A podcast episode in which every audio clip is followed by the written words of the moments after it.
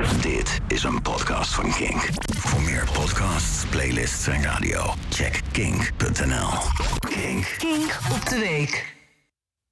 Begin 2020 ging ik naar de Stereophonics in de AFAS. Het was een geweldig concert, ondanks de blonde doos naast me die maar bleef kletsen met haar vrienden. Het blijft een wonderbaarlijk fenomeen, hè? Mensen die een duur kaartje kopen, vooraan gaan staan en dan zodra de band begint een goed gesprek opzetten over Tante Nettie's baarmoederverzakking. Ik had geen idee dat het het laatste normale concert was dat ik in lange tijd zou zien. Tijdens de pandemie presenteerde ik nog wel een livestream van de fantastische stichting No Guts, No Glory. Een ernstig zieke man, uh, mijn leeftijd met twee jonge dochters, was groot ABBA-fan. Dat was niet zijn ernstige ziekte trouwens. Hij was ziek en groot ABBA-fan. Sommige mensen hebben dubbel pech.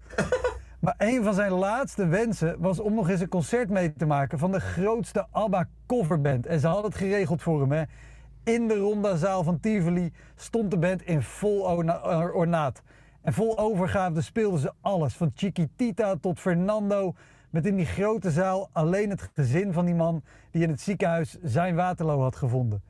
En zij zaten op een lekkere bank voor het podium, hapjes, drankjes erbij. Familie en vrienden waren erbij via een scherm. En ik stond erbij en ik keek ernaar.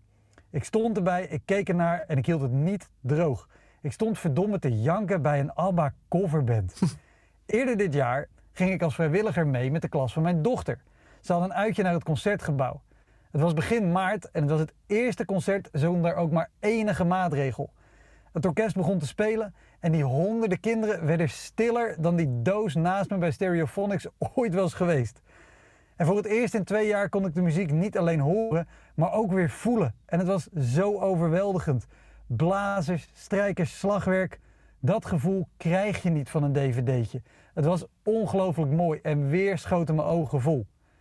Afgelopen weekend was ik op Rock Werchter. Mijn eerste grote festival sinds corona.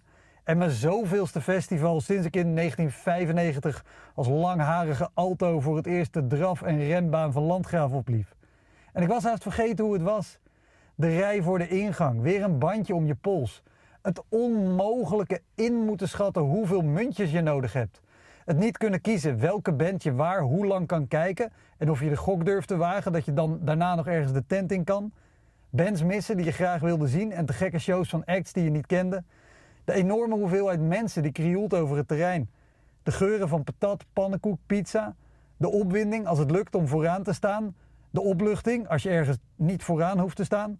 De lange eikel die speciaal ingehuurd lijkt om overal en altijd voor je te komen staan. Sorry. De opluchting dat er toch wel een wc-rol in de Dixie hangt. De luidruchtige vriendengroep die al jaren niet meer komt voor de muziek. De mensen die alleen maar lege bekers rapen. De pubermeisjes die proberen hun sneakers schoon te houden. En de oude rockers met spijkerjackies vol badges die na decennia zwetend headbangen bestand zijn tegen een kernoorlog. De kou omdat je vergeten bent een trui mee te nemen van de camping. En de roodverbrande huid van mensen die zonnebrand waren vergeten. Ik wist niet dat ik het allemaal zo hard had gemist. Ik bestelde een paar patatje, gaf twee munten en dacht terug aan die allereerste keer Pinkpop. Omgerekend had ik daar toen 15 gulden 40 moeten betalen. Dit keer was het niet alleen de muziek die me deed huilen. Dit was een podcast van Kink. Voor meer podcasts, playlists en radio, check kink.nl.